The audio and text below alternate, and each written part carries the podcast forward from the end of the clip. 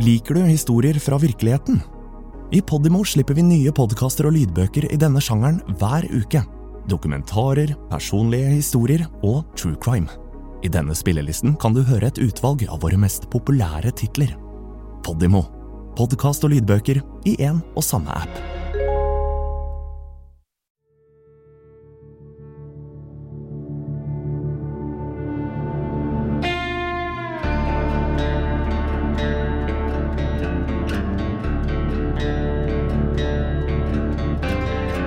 Er helt på tampen av den kaldeste måneden i Oslo på 23 år. Det er onsdag 27. januar 2010, og gatene rundt Torshov ligger stille og mørke. Gatelyktene glitrer på snødekt asfalt.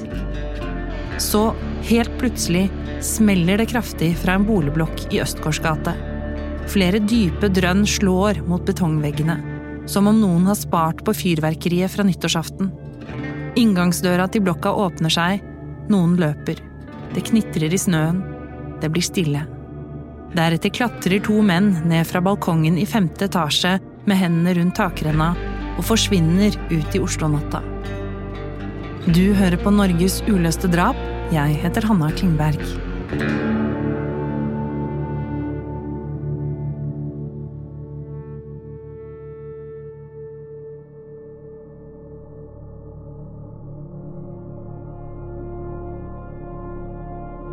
Det nærmer seg midnatt, og sirenene kommer nærmere og nærmere.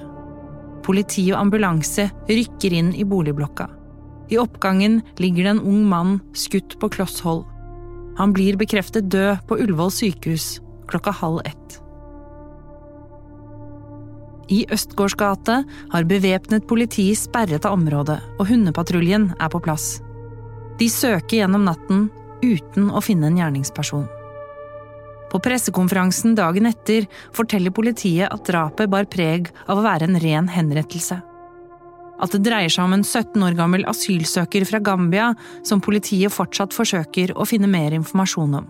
Hvilke miljøer han beveget seg i, og hvem han hadde kontakt med. 29. januar møter politiet pressen igjen for å informere om at de har pågrepet og siktet en 33 år gammel kjenning av politiet, som selv meldte seg natt til fredag. 33-åringen hevder han hadde en rolle i drapet, men politiet er usikker på hva slags rolle han har hatt, eller om han i det hele tatt var involvert i drapet etter forklaringen han har avgitt. Senere blir 33-åringen sjekket ut av saken. Politiet jobber iherdig med å finne ut hvem den drepte asylsøkeren er, ettersom han opererer med flere forskjellige navn. Politiet kan ikke utelukke at dette er et oppgjør i forbindelse med narkotikahandel, men de har heller ingen hovedteori.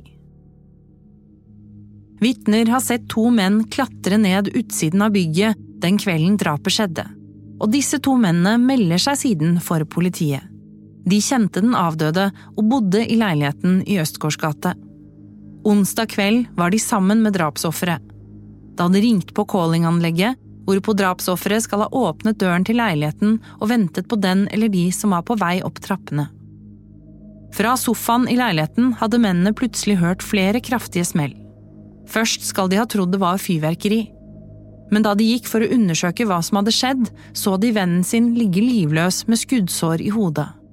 Da skal de ha løpt ut på balkongen, klatret ned løpet fra takrenna og lagt på sprang i retning Torshovparken. Til politiet forklarer de at de løp fordi de var redde for å bli beskyldt for drapet, og de betegnes som sentrale vitner av politiet. Vitner forteller også at fire menn, trolig av afrikansk opprinnelse, kom inn i trappeoppgangen i Østgårdsgate 4 på Torshov i Oslo. En av dem bar på noe som kunne ligne en avsagd hagle. Avdøde ble skutt på kloss hold, og den andre ladningen gikk gjennom døren til naboen. For politiet blir det en stor utfordring å finne informasjon om en asylsøker uten et spesielt stort nettverk. Miljøene de oppsøker, er heller ikke nødvendigvis så glade i å snakke med politiet. De avhører rundt 40 personer og har flere rundspørringer i nabolaget. De legger også løpesedler i postkassene i området rundt den aktuelle adressen.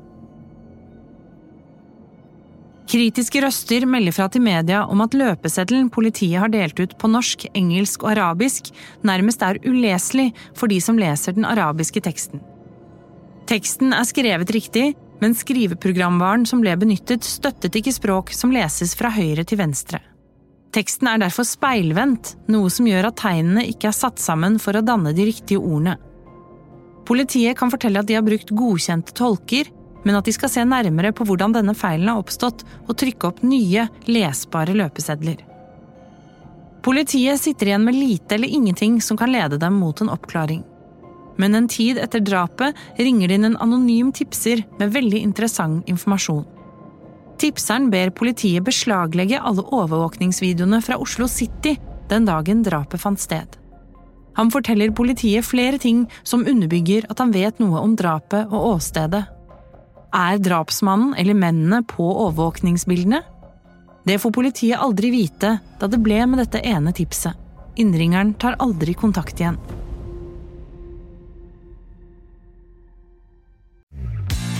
Hei! Har du lyst til å høre mer som denne podkasten, men helt reklamefritt? Da vil jeg anbefale deg å laste ned Podimo-appen for en gratis prøveperiode.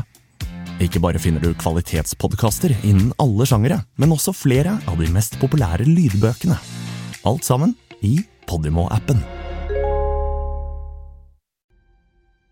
Så hvem var denne gambiske gutten? Politiet jobber lenge med å avdekke identiteten til avdøde. Til slutt finner de svaret. Mannens navn var Jung-Kung Kiate, og han var 28 år gammel. Jung-Kung ble født i januar 1982 i Gambia. Han vokste opp i en liten by ved navn Ibo-town, der de færreste hadde penger til å sende barna sine på skolen. Hvert år reiser hundrevis av gambiske menn på jakt etter et nytt liv vekk fra fattigdommen. Det gjorde også Jung-Kung.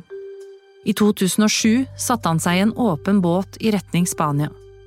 En reise som dette er farefull. Noen dør underveis, noen blir stoppet før de når kysten av Vest-Afrika. Andre kommer i land på Kanariøyene eller det spanske fastlandet, der flesteparten blir registrert og sendt tilbake til hjemlandet med fly. Men det er noen som lykkes, som gjemmer seg for spansk politi, før ferden går videre i Europa. Som oftest er det først når de kommer i kontakt med politiet at de søker asyl. Får de avslag, reiser de videre. Får de avslag i neste land, sendes de tilbake til det forrige landet de søkte asyl. Derfor opererer mange med flere forskjellige navn, alder, familieforhold og opprinnelsesland. Dette var også mye av grunnen til at politiet slet med å identifisere Jung Kung, samt at de gikk ut med feil alder. For Jung-Kung var 28 år og ikke 17, som han oppga som alder da han ankom Norge oktober 2009 og søkte asyl. Før det hadde han vært i Sveits, ifølge et familiemedlem som uttalte seg i pressen. Ifølge familiemedlemmet hadde Jung-Kung vært glad for å ha kommet til Oslo, hvor han hadde fått lovlig opphold. Om dette dreide seg om fast eller midlertidig oppholdstillatelse, vites ikke. Og her stopper også Jung-Kungs ferd mot en lys fremtid. Saken har ikke hatt noen gjennombrudd, og står fortsatt uten sentrale svar mer enn ti år etter drapet på Yong-Kung Kiate. Og politiet er helt sikre på at det er noen der ute som vet mer enn de sier. Familien i Gambia måtte vente lenge på å få sin døde sønn hjem. Men uten sikker identitet ble Yong-Kung liggende på kjølerommet til Rettsmedisinsk institutt i 100 dager.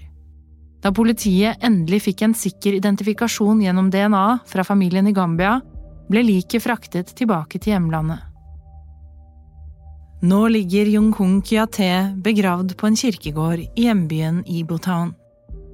De fikk ham hjem, men mye tyder på at de aldri får vite hvem som drepte ham.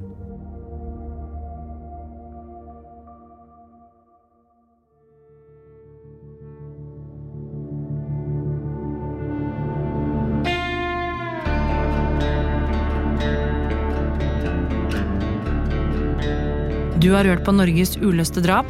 Denne episoden er skrevet av Alexander Fallo. Lyddesigner er Olav Nedberget. Produsenter er Andreas Weier Rosvold og Håkon Lange. Og programleder er meg, Hanna Klingberg.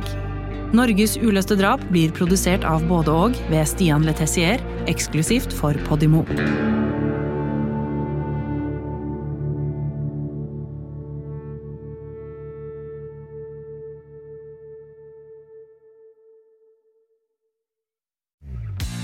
Likte du denne episoden? Så del den, da vel! Fortell en venn hva du hører på, og gi følelsen av god lytting i gave til noen du bryr deg om.